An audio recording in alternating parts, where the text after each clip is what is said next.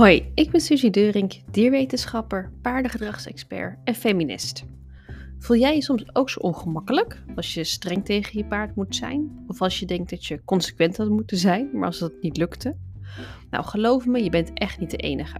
In mijn werk zie ik zoveel vrouwen voor wie het idee van leiderschap en dominantie echt niet werkt. En hier is dan ook meteen de overeenkomst met feminisme. In deze podcast leg ik je uit waarom je niet streng voor je paard hoeft te zijn en hoe je wel een mooie en gelijkwaardige vriendschap met je paard kan opbouwen. Over merriegedrag, vrouwelijke vriendschap en jaloezie. Welkom bij de derde aflevering van de Feminist Horse podcast. Ik ben Suzy Deuring en even als korte intro, met vrouwelijke vriendschap bedoel ik alle vriendschappen tussen mensen die zich identificeren als vrouw. Eerst een kort voorbeeld van mijn middelbare schooltijd. Nou was mijn middelbare school best bijzonder, denk ik. Het was een uh, klein gymnasium in een kleine stad. Maar wat er wel ook een rol speelde, en dat is denk ik niet specifiek voor mijn middelbare school, maar best algemeen, was dat er groepjes meisjes waren, jonge vrouwen. En dit was eigenlijk ook op de basisschool al het geval. Die groepjes waren op een bepaalde manier heel erg hecht, maar ergens ontstond er in zo'n groepje jaloezie. En dan kwam er ruzie en dan was het drama en alle klassieke voorbeelden die je eigenlijk ziet in films zoals Mean Girls.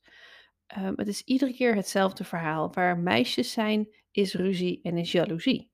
Toch? Is dat wel echt zo? En in mijn beleving was dat ook echt zo. Toen ik op de middelbare school zat en op de basisschool.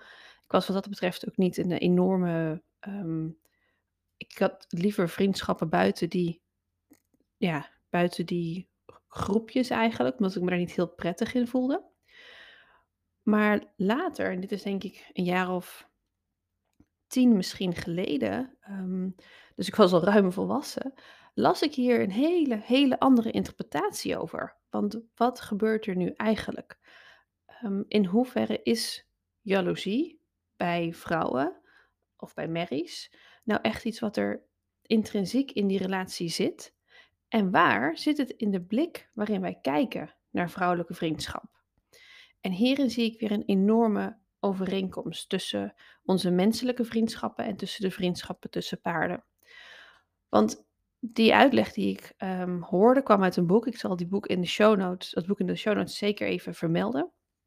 Maar dat was dus een hele verhelderende voor mij. Van er zit geen in, geen stuk jaloezie per se in de relatie tussen vrouwen. Dat is een verhaal wat ons wordt verteld door films zoals Mean Girls en al die andere films waarin vrouwen uh, elkaar het licht in de ogen niet gunnen. En dit verhaal is, is zo'n mythe, hè, voortkomend uit het patriarchaat, het, de maatschappij gerund door mannen. En dat verhaal bevat ergens dus wel juistheden, omdat het zichzelf versterkt. En ik denk dat dit een onderdeel is van een normale menselijke vriendschap. Dat je wel eens boos op elkaar bent, dat je wel eens jaloers op elkaar bent. Alleen wanneer we ons focussen op hoe dat specifiek zich afspeelt bij vrouwen, denk ik dat we een heel erg verdraaid beeld krijgen van de realiteit. En dat is echt heel, heel erg zonde. Bij paarden en bij mensen. Want ja, ik denk dat mannen ook wel eens jaloers op elkaar zijn. En dat het misschien juist iets is wat specifiek is aan vriendschap of aan relaties. En helemaal niet specifiek aan vrouwelijke vriendschap. En ik zie dit vaak bij merries. Dat mensen toch een beetje mm, grapjes maken over het gedrag van merries naar elkaar. Dat ze uh, zich aanstellen of dat ze dramatisch zijn. En dat ze ja, toch een hele moeilijke definitie van vriendschap hebben. En het gevolg is dat er wordt gezegd dat is typisch iets voor merries. Dan heb ik het niet over merriegedrag rond, um, rond um, hengstigheid bijvoorbeeld, maar om, om het gewone, ja, wat mensen dus het hysterische noemen in vriendschap. Wat we daarmee vergeten, en uh, dat is een beetje het gevaar van, van deze mythe, is dat er misschien andere zaken zijn die veel belangrijker zijn dan zomaar zeggen, oh dat is jaloezie. Misschien um, is er een bepaalde um, probleem in het management. En zijn merries daarom op die manier in hun relatie wat anders dan, dan anders. Hè? Dus als ze zich zo hysterisch of dramatisch gedragen, misschien klopt er gewoon iets niet in het management. Misschien is er te weinig eten of misschien zijn er te weinig voerplekken. En het probleem ontstaat dus wanneer we die, die ouderwetse mythe van, oh, maar dat is gewoon hoe merries zich gedragen, want merries zijn altijd zo hysterisch en jaloers. Um, daardoor zien, kijken we niet verder naar een mogelijke oplossing. Omdat we het gedrag zien als typisch merriegedrag. En dat is dus heel erg zonde, want dit zijn situaties waarin we ons paard zeker kunnen helpen, maar dat doen we dan niet. En als ik dan terugkijk naar mijn basisschool en middelbare school, was daar nou bijzonder veel jaloezie? Ik denk het niet. Uh, ik denk dat dat een hele normale manier van uh, vriendschap ontwikkelen eigenlijk was. En dat daarin um, het, het uitvogelen van je eigen emoties en het uitvogelen van emoties van de ander een grotere rol speelde. Misschien zelfs uh, op het opkomen van um, internet en MSN. Misschien waren dat juist de stoorzenders in vriendschap ontwikkelen. En niet zozeer het specifiek jaloeziestuk, hè, wat we dan bij, bij jonge vrouwen um, als heel typisch zouden benoemen.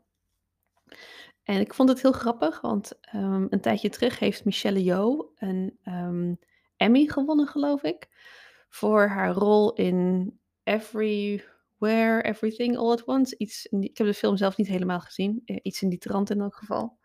Rudy heeft hem gezien, uh, ik niet, helemaal in elk geval. En het is heel mooi, ze krijgt dus een, een, uh, prijs voor haar rol in die film. En tegelijkertijd met de bekendwording met, van haar prijs, zie je een, um, een foto van Jamie Lee Curtis, die door het dak gaat van plezier, dat haar co-ster, dat, haar, um, dat de andere actrice uit de film, want Jamie Lee Curtis speelt er zelf ook in, dat die een award krijgt. En dan zie je dus echt de, de diepste, diepste gevoelens van plezier voor een ander. Wat nu als we dat stellen als typisch een vriendschappelijke um, uiting? Hè? Wat als we het verhaal in ons hoofd veranderen? En dat we dat enorme plezier dat Jamie Lee Curtis voelt voor Michelle Yeoh, als dat de kern is van een vriendschap tussen twee vrouwen. Tussen menselijke vrouwen of paardenvrouwen. En dat iedere afwijking daarvan opvallend is. En dat betekent helemaal niet um, dat we altijd maar aardig moeten zijn. Dat is ook, ook een um, punt wat even giftig en even moeilijk gaat zijn voor merries en voor mensen. Natuurlijk mogen we ruzie maken en mogen we jaloers zijn en afgunstig en al die dingen. Want we hoeven geen heilige te zijn en merries daarin ook niet. Maar dat we wel een soort oog krijgen voor een, uh, voor een afwijking op de vriendschap. En ik denk dus dat we enorme kansen laten liggen als we zeggen: het normale is um, hysterisch, dramatisch, jaloers. En ja, dat, dat we Jamie Lee Curtis en Michelle Yeoh als voorbeeld mogen stellen. Dat dat het de typische vrouwelijke vriendschap mag zijn. En dat we daarin niet altijd, ja, altijd maar aardig moeten zijn, maar dat het de standaard anders mag zijn. Ik denk dat dat een enorme kracht gaat geven, omdat die vrouwelijke vriendschap heel erg belangrijk is voor mensen en voor paarden. Want ook in mijn werk zie ik toch dat best wel veel merries moeite hebben met uh, het onderhouden van vriendschappen. Want wanneer is een paard, een, een merrie of een ruin of een hengst, nu langere tijd op één locatie? Wanneer hebben onze paarden nu de omstandigheden zo om een echte vriendschap te kunnen ontwikkelen? Ik denk dat dat al een heel erg lastig punt is. Terwijl het voor een emotionele welzijn van enorm belang is. Die vriendschappen die onze paarden mogelijk kunnen afsluiten, zijn niet zomaar leuk voor erbij.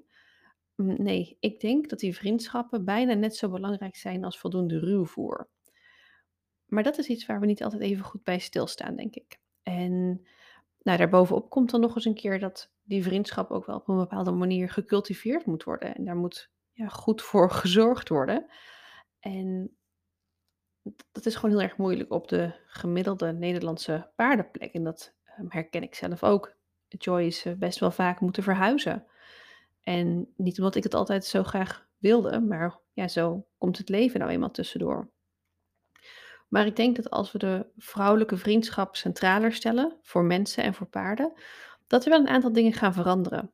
Want een van de redenen waarom ik deze aflevering graag wilde maken, is omdat ik ook in de paardenwereld veel jonge vrouwen hebben. En hoe mooi zou het zijn als we voor jonge vrouwen het beeld kunnen veranderen. Dat jaloezie en het uh, tussen aanhalingstekens hysterische merriegedrag helemaal niet het, het gemiddelde zijn of niet de standaard.